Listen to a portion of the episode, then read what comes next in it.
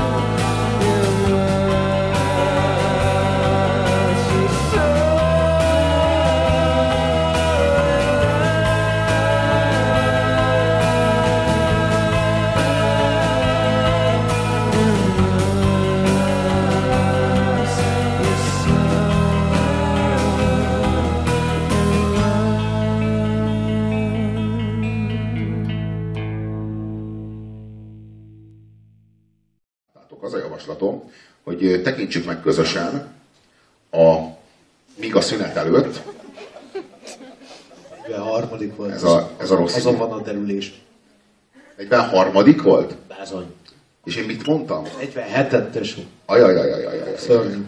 Mi a baj, mi a probléma a képarányjal? Hogy nem stimmel mindig a képarány? Néha túl... A 80-as években nem volt egy 16-9-es tévé. Aha, És szét van húzva, és ilyen kis szép ovális aha. kövérek az emberek. aha tehát össze, össze kéne őket nyomni, vagy... Az eredetibe kéne. Aha, aha. Van, van egy javaslatom, hogyha esetleg gondoljátok, hogyha így nem vagytok megelégedve a képarányjal, akkor szünetben a jegyetekkel, esetleg menjetek oda a jegypénztárhoz, és nyilvánosan röhögtessétek ki magatokat.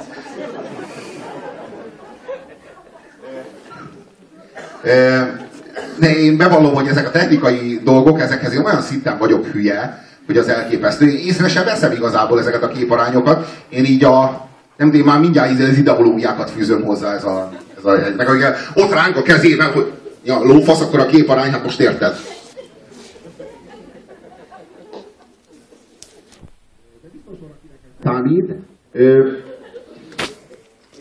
ö, mm, semmi akadálya nincsen, hogy otthon a YouTube videó nyomán vigasztalódjatok.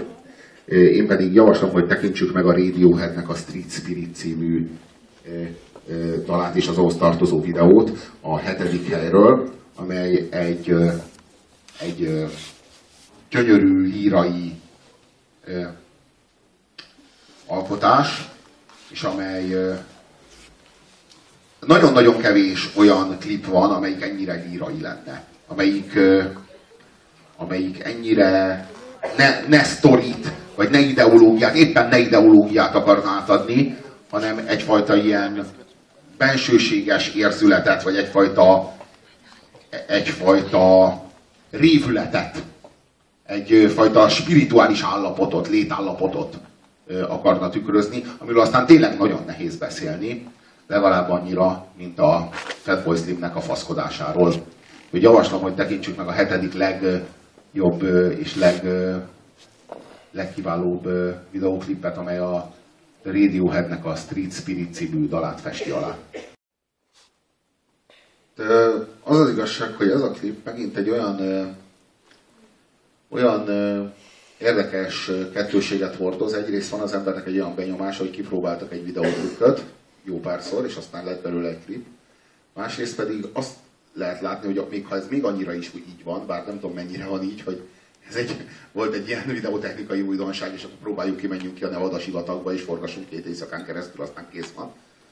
De ennek ellenére valami olyan gyönyörű dolog született belőle, hogy az engem az első pillanatban, amikor láttam ezt a klipet, levett a lábamról. Tehát amikor, ami, a, valahogy azt gondolom, hogy a, nagyon kevesen bá, tudnak a filmen a lírával nagyon szépen bánni. Mert a líra a filmen kurva unalmas tud ám lenni.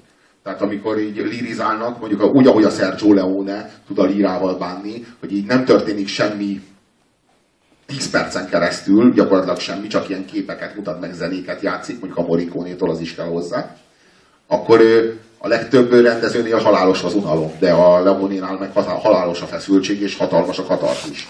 És itt is ezt érzem, hogy nem történik igazán semmi, sőt, sokszor gátlástalanul, ö, pofátlanul megmutatja, hogy itt most egy trükköt próbálunk ki, sokféleképpen megmutatjuk, hogy mi mindent tudunk ezzel a videóval csinálni.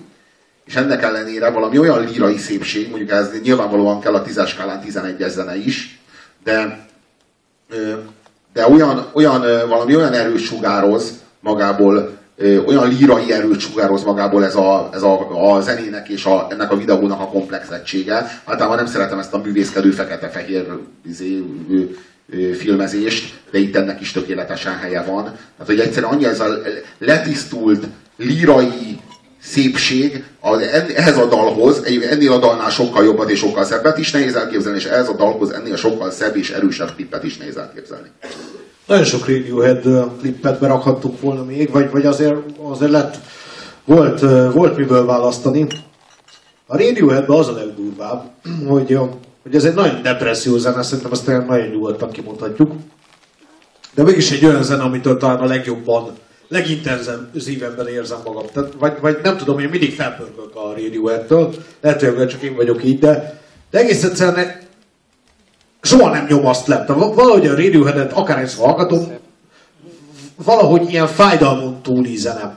Az nyilván, hogy fájdalom, tehát az az alap, hogy depresszió, de valahogy, valahogy már ezt ilyen teljesen természetesnek veszik. Tehát valahogy, valahogy ez az ő kis csataterük, vagy ez az ő, ez az ő vásznuk, amin, amin elkezdenek festeni.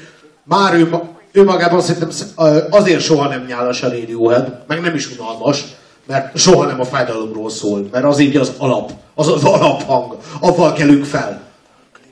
Az az alaptónus, hanem, hanem mindig az, azon keresztül mondanak el valamit. És szerintem ez a, ez a klip is igazán ezt, ezt tudja, hogy, hogy van valami egészen rédióhedes világú abba, ezekben az ellopott pillanatokban. Van, van, van valami egyszerre, egyszerre valami szépség és egyszerre valami kárhozottság minden egyes pillanatban. Szerintem a Radiohead a egyik legjelentősebb zenekar, aki valaha létezett. És, és ne, ne, nehéz nekem erről többet mondani. Nagyon, nagyon közel van ez a szívemhez. Nagyon-nagyon, ezzel csak egyetérteni tudok. Tehát a Radiohead az most ne tévesszem meg minket, hogy így még most is fennállnak. Tehát így a, valaha volt egyik legnagyobb zenekar. És, és ami meg azt illeti, hát ez az ő sajátosságuk, ha a Radiohead előtt valaki azt mondta volna, bemegy a lemezkiadóz, és azt mondja, hogy általában egy, egy, egy poplemez az úgy néz ki, hogy van rajta mondjuk egy átlagos poplemezen van 10 szám, abból 8 gyors és 2 lassú. Ez az átlagos poplemez. És akkor bemegy a, bemegy a kiadóhoz valaki, és azt mondja, hogy én ezt megfordítanám, és adnék egy olyan poplemezt, ami, amin van 8 lassú szám és 2 gyors. És a kiadó elküldeni a picsába, és azt mondaná, hogy ezt nem lehet eladni. Az emberek nem akarnak depressziósak lenni, és a Radiohead mégis megvalósította ezt, és megvalósította a 10 számból, hát a, a dalainak a 80%-a az ilyen lassú és nagyon fájdalmas, és kiszakad a szíved a helyéről. Ami az érdekes ebben a Radioheadben is, ami én nagy felismerésem volt a Radioheaddel kapcsolatban, az az, hogy amikor jól van az ember, vagy amikor jól éreztem magam, az életemben, akkor hallgattam ezeket a dalokat, és valami gyönyörű, valami átható, valami elementáris lírai szépség volt bennük, és azt éreztem, hogy ez valami csodálatos, és, és, és hogy feltölt engem valami, valami éteri szépséggel. És aztán, amikor depressziós lettem, és igazán nagyon-nagyon szarul voltam, és ezeket a dalokat hallgattam, akkor azt éreztem, semmiféle szépséget nem éreztem, hanem azt éreztem, hogy a szívem kiszakad a helyéről, és olyan elementáris fájdalmat éreztem, tehát egyszerűen fizikai fájdalmat okozott ezeket a dalokat hallani depressziós állapotban, amikor abban az állapotban voltam körülbelül, mint a Tom York, amikor írja őket, meg amikor előadja őket. És akkor jöttem rá arra, hogy az élet az valójában életet emészt el. És hogy ez ilyen szörnyű darwinista törvény, amiről azt gondoljuk, hogy a természetben működik, ugyanez működik a kultúrában is. A kultúrát is ugyanúgy fogyasztjuk, ahogyan a húst. Van egy állat, azt lemészároljuk, és az ő húsán mi élvezünk, élvezkedünk azon, hogy milyen nagyon finom húsa van annak az állatnak. Növényekkel is hasonlóan járunk el. És ezt hívjuk gasztronómiának. Kultúrának meg azt hívjuk, hogy van ez a Tom York nevű depressziós srác, aki az élete fájdalmát így kírja magából, hát ha attól majd jobban fogja érezni magát. E, és ezek után mi meghallgatjuk ezt a lemezt, és azt mondjuk, hogy ez gyönyörű volt.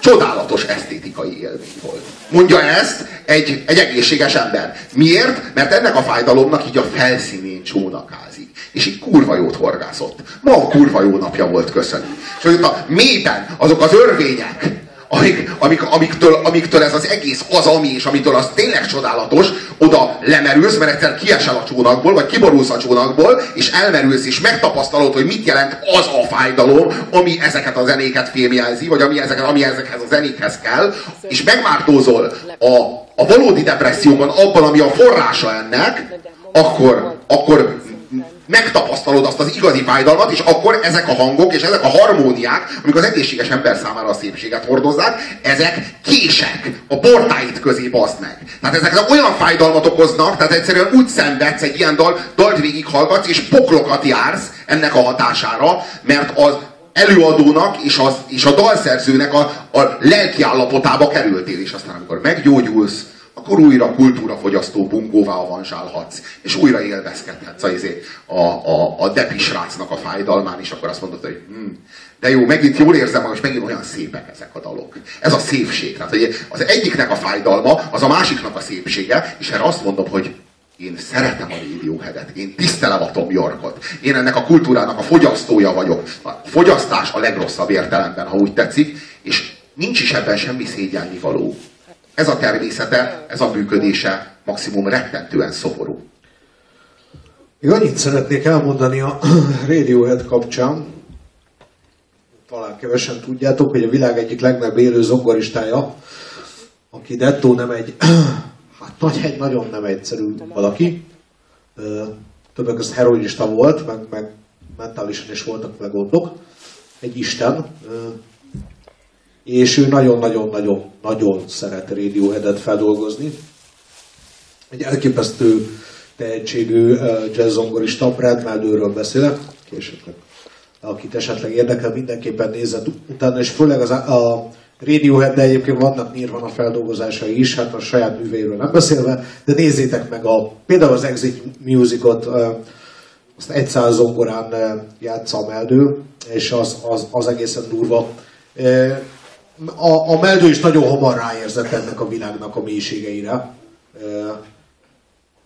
Kb. ez volt, ez meg, ez meg a Nirvana voltak azon a szinten, ahol úgy, úgy fájdalomban, a- amiről úgy, ami, amiről úgy érezte, hogy hazai pályán van, tehát valaki, valaki azon a terepen beszél, ahonnan ő szokott, úgyhogy nem véletlenül hozzájuk szokott fordulni zenei inspirációért is.